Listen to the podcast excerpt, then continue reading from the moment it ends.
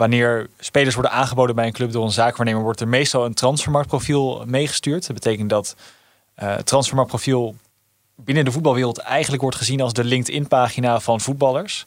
Dus het wordt heel serieus genomen. En uh, het lijkt erop dat de mensen met wie wij hebben gesproken, althans, niet echt hebben nagedacht over wie er nou precies achter zitten. Geen tijd om alle stukken van Follow the Money te lezen.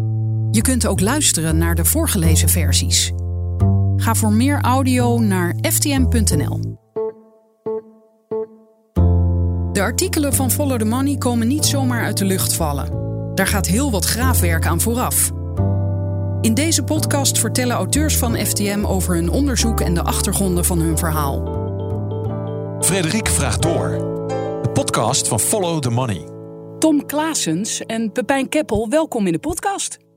Jullie werken allebei sinds dit jaar pas bij Follow the Money. En hoe zijn jullie daar terecht gekomen, Tom? Nou, dat is eigenlijk wel een grappig verhaal. Want uh, ik heb uh, gesolliciteerd op een uh, vacature die vrijkwam voor een traineeship vanuit het Fonds Journalistiek. Ehm, die vacature is uiteindelijk gegaan naar de man die hier, mij, die, hier recht tegenover mij zit. Oh. Um, en uh, die, heeft die, die heeft dat traineeship gekregen. En uiteindelijk heb ik ook een traineeship aangeboden gekregen om uh, aan de slag te gaan als datajournalist bij Follow the Money. Dus daarom ben ik hier nu. En wat houdt zo'n traineeship dan in? Uh, ja, Tom, vertel eens. ja, dat ik eigenlijk gewoon meedraai in een, in een onderzoeksteam. En dat wij onderzoek doen naar een bepaald onderwerp. dus in ons geval gaat het over geldsporen in de sport. En in het specifiek voetbal, omdat daar natuurlijk de meeste geldsporen in te vinden zijn. Ja, en Pepijn, jij zei, leg jij het maar even uit, Tom. Want uh, wat houdt dat voor jou in, de traineeship? Iets heel anders? Nou, nee, niet per se. Ik denk dat... Ik heb hiervoor bij NRC Handelsblad gewerkt. Dus ik heb iets meer schrijfervaring dan Tom. Tom komt echt net uit de schoolbanken. Dus dat is wel, dat is wel heel erg anders, denk ik. Um, dus ik denk dat Tom en ik zitten... Ja, Tom is heel goed in data... Ik kan uh, wat beter schrijven en zo vullen we elkaar aan in, om, om goed over sport te kunnen schrijven, denk ik. Dus het is, uh, in die zin hebben we eigenlijk een traineeship waarbij Tom uh, mij voorziet van data en ik Tom help om beter te leren schrijven. En zo, ja, zo vormen we een team. Oké, okay, wat leuk. En jullie hebben dit artikel waar we het over gaan hebben ook helemaal samengemaakt. Ja, de, Tom die is dus voor het overgrote deel verantwoordelijk voor de data in het artikel. Tom die heeft, uh, dat zal hij zo wel vertellen, heeft alle uh, ja, heeft Transfermarkt geanalyseerd.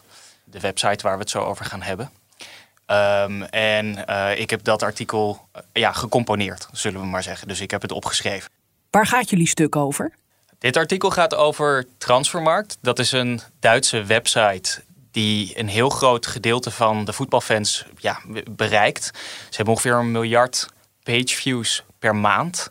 En uh, ongeveer 650.000 gebruikers. Dat is echt heel erg groot. Een van de grootste voetbalwebsites ter wereld. En op die website heb je naast heel veel voetbalstatistieken... heb je ook een marktwaarde die zij bepalen. Dus zij zeggen, nou wij denken dat deze speler deze prijs heeft. En over specifiek dat onderdeel uh, van die website gaat ons artikel.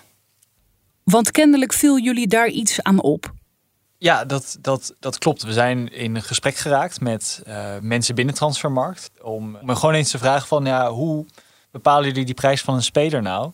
En uh, wat betekent het uh, binnen de voetbalwereld dat jullie die prijzen openbaar maken? en wat ons opviel is dat er een verschil zit in hoe in het echt voetbalprijzen voor spelers tot stand komen. Dat is namelijk een spel van vraag en aanbod tussen uh, clubs en spelers en zaakwaarnemers. En bij Transfermarkt gaat het op een heel andere manier. Namelijk uh, via het wisdom of the crowd principe. Dat betekent dat ze heel veel meningen verzamelen van mensen. Die op één grote hoop gooien. En daaruit zou dan een prijskaartje moeten volgen. En wat opvalt is dat Transfermarkt eigenlijk de enige open source database is die uh, die prijskaartjes ook daadwerkelijk de wereld in gooit. En ook voor een bijzonder groot aantal spelers. Ik meen te herinneren dat er 800.000 spelersprofielen met een prijskaartje zijn. Uh, dat gaat van, van Lionel Messi tot aan uh, in Oeganda. En daar zitten dus allemaal mensen, voetbalfans van over de hele wereld, mee te discussiëren over hoeveel zo'n speler waard is. En dat wordt dan ook een soort van het prijskaartje dat iedereen in de voetbalwereld kan zien. En ook wordt bekeken door iedereen in de voetbalwereld. En dit, de, degene die deze website zijn begonnen, voor hen is dit uh, gewoon een, een business, een verdienmodel? Ja, dat is wel echt wel een mooi verhaal. Want in um, 2000 2000, denk ik, hè, ja. Tom? Ja, in 2000 uh, eh, ging uh, Matthias Seidel, dat is de Duitse oprichter van transfermarkt.de. Die wilde heel graag zijn clubje Weder Bremen, Duitse voetbalclub, wilde die graag een beetje de voetbalstatistieken van verzamelen op één website. En hij startte op een zolderkamer transfermarkt.de. En dat was dus een hobbyproject, maar binnen een aantal jaar groeide die website uit tot een ja, monsterlijk grote website. En uh, Axel Springer, een Duitse uitgever, die kocht uiteindelijk in 2008 51% van de aandelen. Maar Matthias Seidel bleef wel zitten. Alleen eigenlijk groeide dat. Ja, het liep eigenlijk een beetje de klauw uit. Het werd een, uh, het, het werd een hobbyproject en alleen het sloeg een beetje over de kop. Want er werken alleen maar vrijwilligers. Uh, nee, dat klopt niet helemaal. Het, uh, het, hoofdkantoor wordt toch al geleid door uitgevers, webdevelopers, directeuren. Het is toch al gewoon een heel team wat betaald zijn bezig met promotie en met het werven van advertentieinkomsten. Er gaan ook gewoon miljoenen in het bedrijf om. Uh, maar er is een uh, ander onderdeel, namelijk uh, het marktwaardeanalyse onderdeel, het gedeelte waar Transfermarkt bekend om staat, wat wel wordt gerund door vrijwilligers, omdat Transfermarkt zelf de macht van het bepalen van die marktwaardes in handen van het, ja, van het publiek wil houden. En ze noemen daarom ook uh, eigenlijk, ja, dat, dat heet dus dat wisdom of the crowd principe. Het is gebaseerd op uh, hoe Wikipedia tot stand komt. Um, dus uh, daar, blijven, daar blijven de betaalde werknemers ook volledig van af. Ja, dus het, het idee is, heel veel mensen weten samen hoe iets zit eigenlijk. Ja, ja, precies. Maar het is dus het is een heel mooi contrast. Hè? Dus vrijwilligers bepalen de prijs van voetballers die voor miljoenen worden verkocht. Exact. Ja, dat is hoe het zit. Dus ze hebben op het hoofdkantoor bemoeien ze zich daar ook verder vrijwel niet mee. Er is één hoofd die hier ja, een soort van aanspreekpunt voor de, voor de buitenwereld. Christian Schwartz heet die. Die zit op het hoofdkantoor in Hamburg. En hij wordt weer regelmatig gebeld door zaakwaarnemers en grote voetbalclubs om te sparren over die marktwaardes. En zij denken ook allemaal dat hij aan de knoppen zit van die marktwaardes. Maar ja, uit ons onderzoek blijkt dat en daar zijn ze ook overigens heel open uh, tegenover ons uh, over geweest. Maar nog nooit had iemand aan hen gevraagd: wie creëren nou die marktwaardes bij jullie? En dat bleken allemaal vrijwilligers te zijn. Terwijl heel veel betrokkenen, zoals jullie schrijven, denken dat, het, uh, dat die gegevens voortkomen uit een algoritme.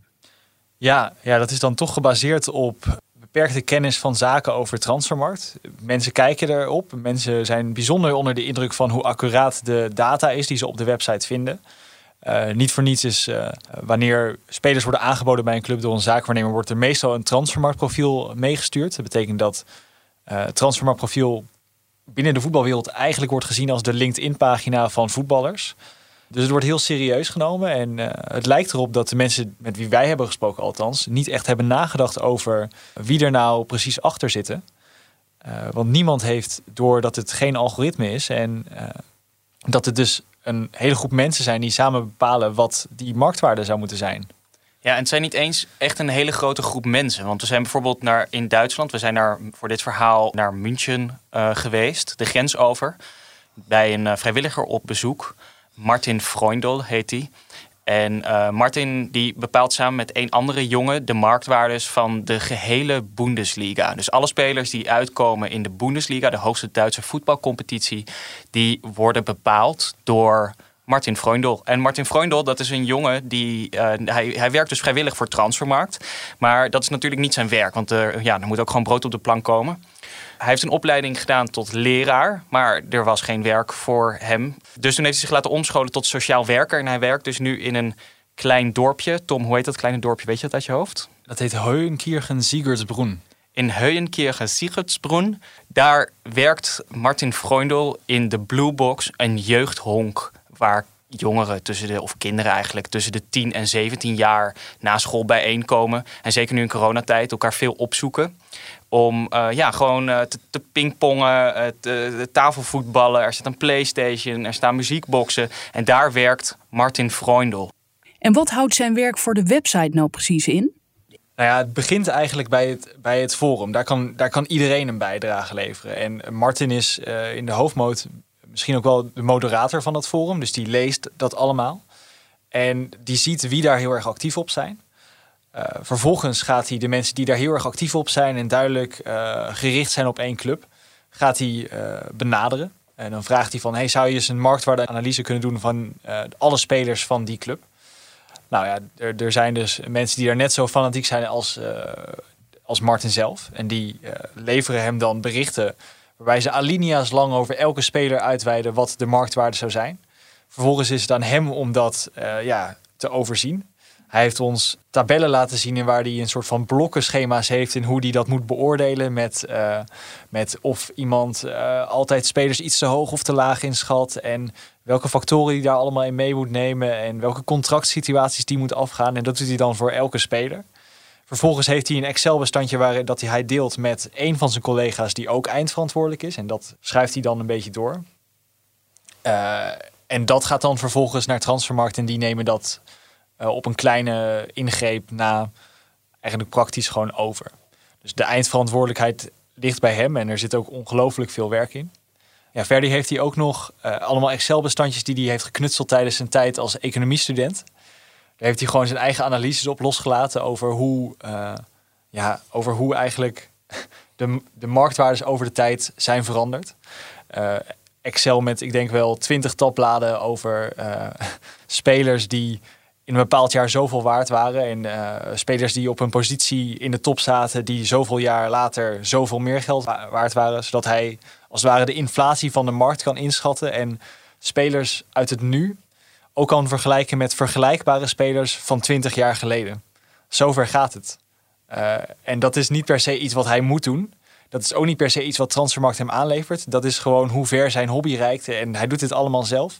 Het schijnt dat Christian Schwartz, dus de leider van de marktwaarde, niet eens weet dat hij dit doet. Dus ja, daar, daar spreekt wel zijn ongelofelijke fanatisme uit.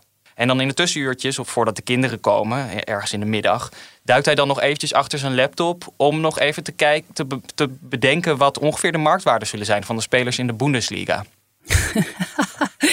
ja, dit is bizar. Jullie, jullie hebben mij die opname laten horen ter voorbereiding. En uh, ja, die jongen die, die is zelf ook nog steeds, terwijl hij dit al jaren doet, uh, vindt hij het eigenlijk vrij bizar. Hè? Hij zegt op een gegeven moment, ja, it's crazy, it's crazy.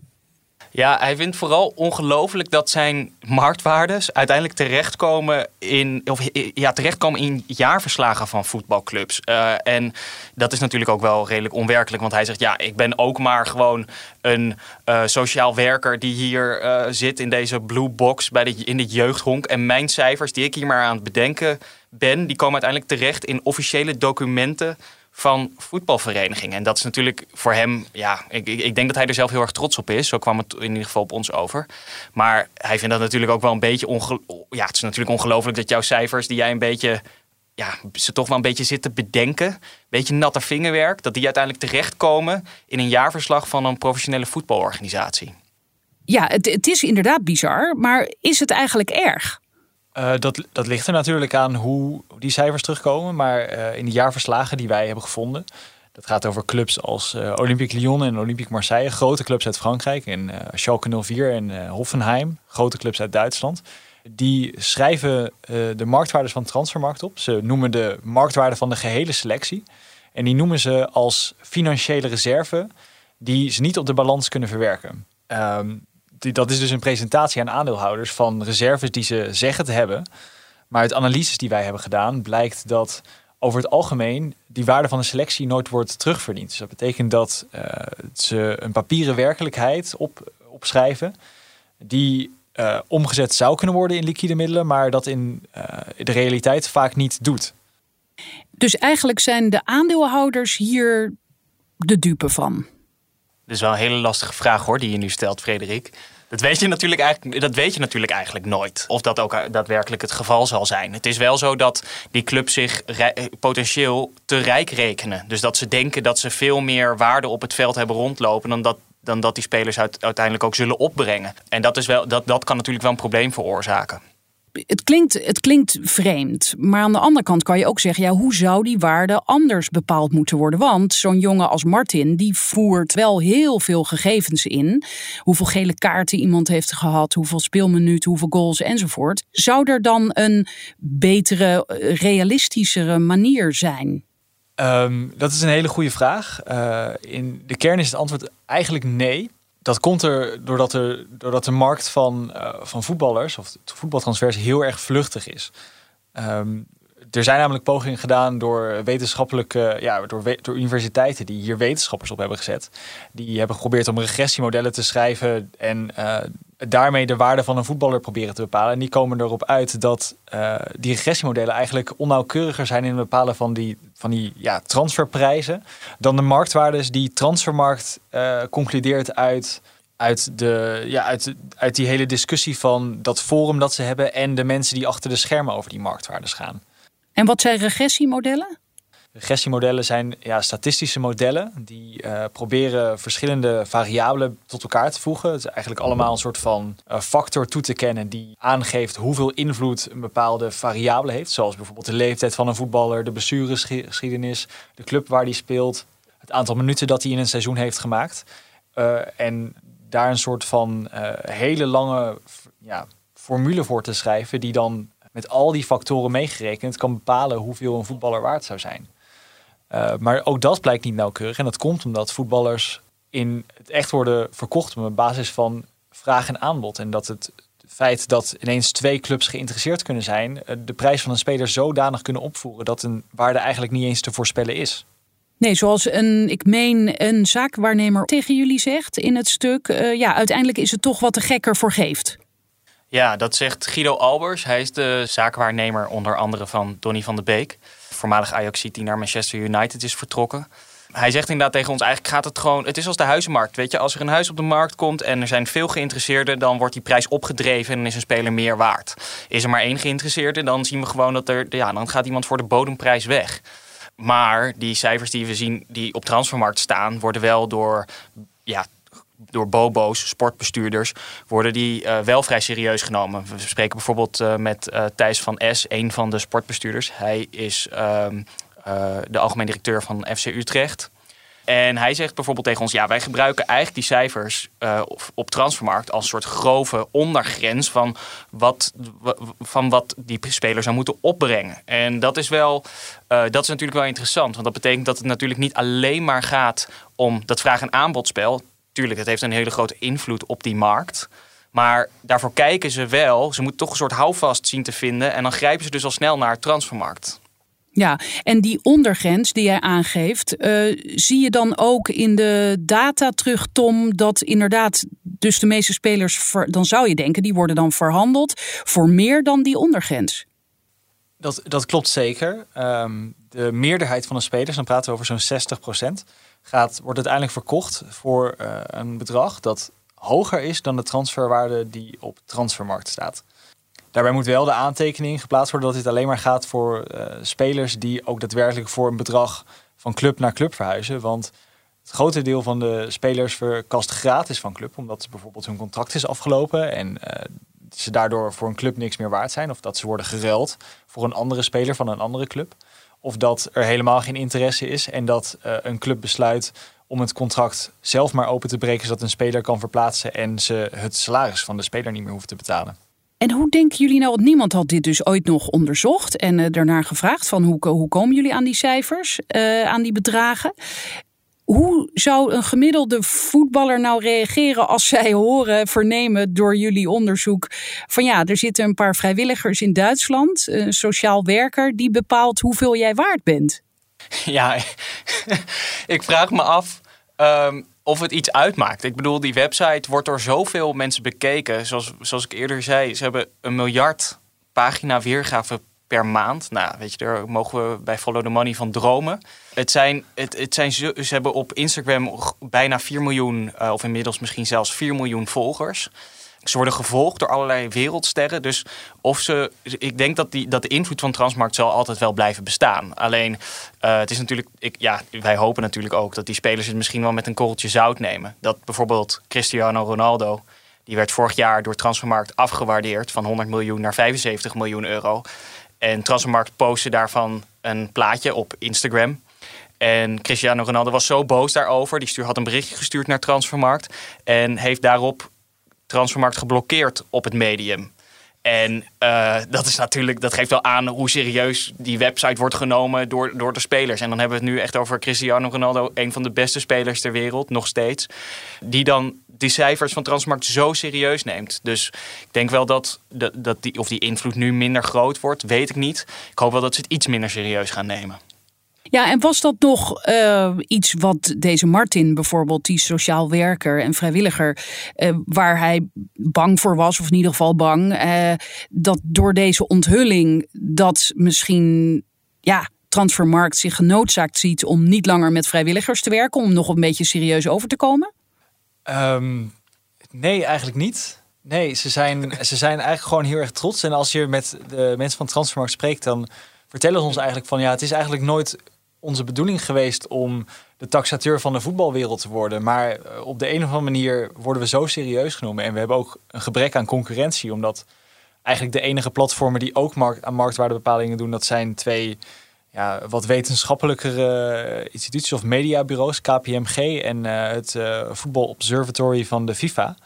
En die brengen alleen soms uh, marktwaardeanalyses op ja, rapporten uit om ja, de staat van de markt een beetje in beeld te brengen. Maar die, ja, die doen niet vier updates per jaar om alle spelers in de hele wereld een nieuwe waarde te geven. Transfermarkt is eigenlijk ontstaan vanuit het idee, wij zijn er namens de voetbalsupporters en we zijn er ook voor de voetbalsupporters. Dus het is meer een soort vergelijkingswebsite voor de fans. En dat die clubs dat allemaal zo serieus nemen, ja, dat is, dat is eigenlijk een beetje wat de clubs er maar mee doen. Jij noemt nu de FIFA. Jullie hebben natuurlijk heel veel mensen benaderd. 50 clubs, eh, Europese voetbalclubs en 30 zaakwaarnemers. Maar ook de UEFA, die, of ja, de UEFA wilde wel reageren, maar de FIFA, die dus kennelijk zelf ook een aanwaardebepaling doet, die wilde niet met jullie praten. Heeft dat, eh, komt dat daardoor omdat ze het zelf doen? Ja, ik weet, de FIFA die, die heeft gewoon helemaal niet op ons gereageerd. En dat is wel een reactie die we heel veel hebben teruggezien. Um, dus Barcelona bijvoorbeeld heeft ook niet op ons gereageerd. Ik denk ook dat dat uh, vrij ingewikkeld ligt. Veel, veel zaakwaarnemers en ook veel, veel sportbestuurders met wie we hebben gepraat... die denken natuurlijk ook, oh, follow the money. Een Nederlands onderzoeksjournalistiek platform. Uh, wat willen zij van ons? En je ziet dat die reacties je vrij vaak terugkomen in de, in de sportwereld. Dus beter houden we uh, de kaken stijf op elkaar. Uh, dan dat we onszelf hier voor lul gaan zetten. Het is wel een reactie die je vrij, vaak terug ziet komen. Ik denk ook dat heel veel mensen met wie we hebben gesproken echt hun best hebben gedaan om een beetje slag om de arm te houden. Weet je, want waarom komen jullie met vragen over deze website? Wij gebruiken deze website altijd, maar we durven het eigenlijk niet te zeggen. Maar toch zeggen we dat we ze wel ergens een beetje gebruiken. Um, dus ik denk dat ze ook niet allemaal het achterste van, van een tong hebben laten zien. Um, maar ja, de, de invloed van deze website die is wel overduidelijk aanwezig. Maar verwachten jullie nu een, een aardverschuiving, Tom? Nee, die verwacht ik eigenlijk niet. Ik denk dat uh, dat uiteindelijk transfermarkt zeker wel een, een functie heeft in de voetbalwereld. En dan kom ik weer terug op die uh, cv-kaartjes van die, van die spelers. Um, ik denk dat, dat daar uh, weinig mis mee is, maar ook dat er uh, dat, dat die crowdsource ja, manier van informatie verzamelen in dat opzicht heel goed werkt als je 800.000 spelerprofielen wil bijhouden. En de clubs zullen toch op zoek moeten gaan naar een, ja, naar een manier om de, de staat van de markt te peilen. En dat kan toch het beste bij het enige platform dat dat doet. Ja, en uiteindelijk is natuurlijk voetbal iets emotie. Nou ja, dat blijkt hier ook uit. Want hier in dat systeem zit ook heel veel emotie. Dus dat past er dan misschien mooi bij. Ja, kijk, voetbal is emotie. En de prijs van een voetballer wordt ook bepaald door een onderbuikgevoel. Voelt deze speler goed bij onze organisatie? Is deze speler, uh, denk, past hij binnen onze ploeg bijvoorbeeld? De ene speler kan bij de ene club floreren en bij de andere op de bank zitten. Het, is, uh, het, het gaat natuurlijk om een heel uh, voetbal is niet alleen maar wat je op het veld laat zien. Voetbal is ook heel vaak tussen de oren en binnen, de, uh, en, en binnen in de kleedkamer. Dus ik denk dat er veel meer facetten meespelen. En of deze website, die zal altijd worden geraadpleegd, denk ik.